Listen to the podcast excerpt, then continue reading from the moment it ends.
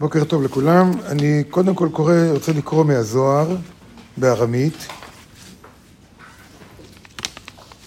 ב"ויצא", סעיף קפ"ג, קפ"ד, קפ"ה.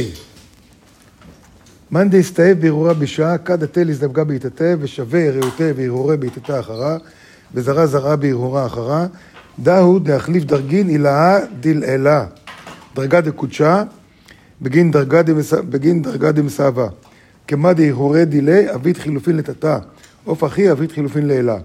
כמה דגופה דהוא ברא דיוליד, יקרה בן תמורה, עוף אחי בנפשה בן תמורה יקרה. דעלה משיכו קדישה בהוא הרהורה, ונפשה דילי יתחלף בדרגה אחרה.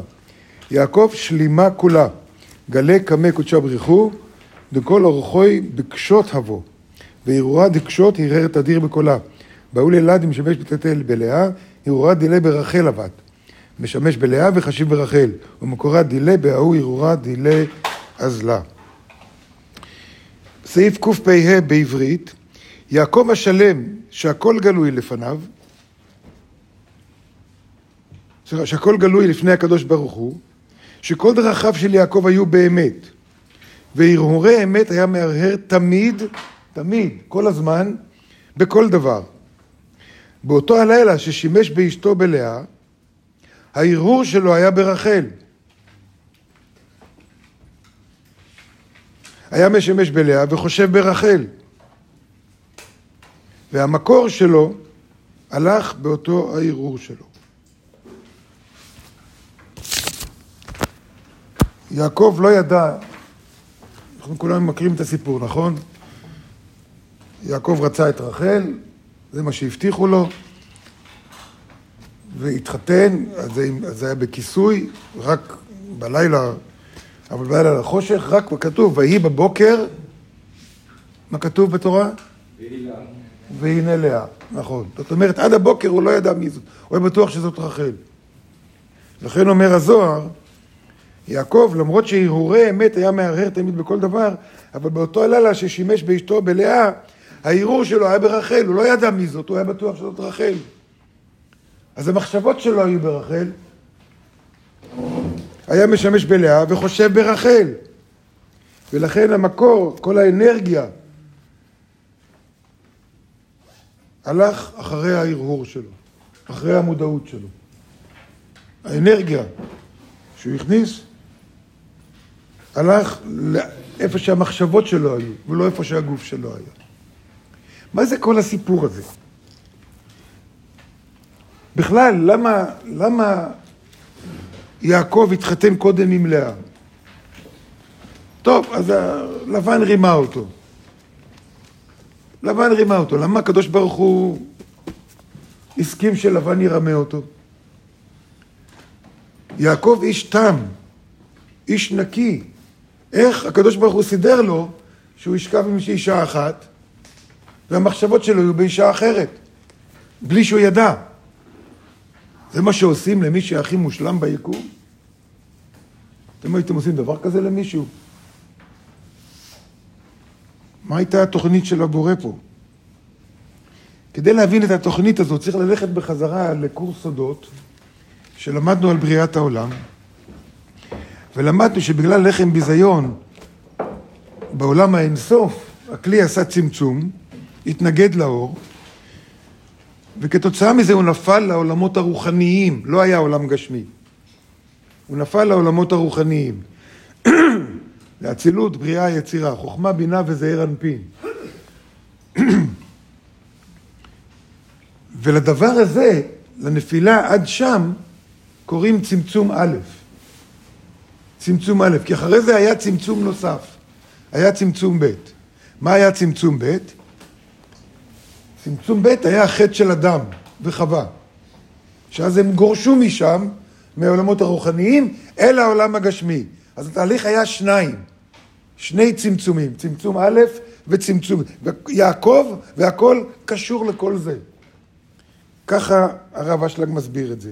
ואני מסביר לכם את זה במילים שלי, כי במילים של הרב אשלג זה בעלי צופנים שם, קצת קשה להבין את זה. אז זה נקרא צמצום א'. אבל עכשיו בא החטא, חטא אדם וחווה, ואז הם גורשו מגן עדן, נוצר צמצום ב', וצמצום ב' גרם לזה שאדם וחווה וכל המציאות נפלה לעולם של סוף. סוף טוטאלי מוחלט. בעולם הגשמי לכל דבר יש סוף, גם ליקום כולו יהיה סוף. לכל דבר יש סוף. כתוצאה מזה שלכל דבר יש סוף, יש עכשיו שני צמצומים, ועל המלכות, הצמצום הראשון שהכלי עשה באינסוף, מרצון, הפך להיות לחוק טבע. הפך להיות לחוק טבע בעולם הגשמי שלנו. כתוצאה מזה, לעולם המלכות לא יכול לקבל אור. לא יכול לקבל אור מהעולם הרוחני, כי לכל דבר יש סוף. מגיע אור, מגיע בצורה של סוף. מה חסר כדי שיהיה המשכיות, כדי שלא יהיה סוף לאור, כדי שיהיה גילוי של אור ויישאר אור?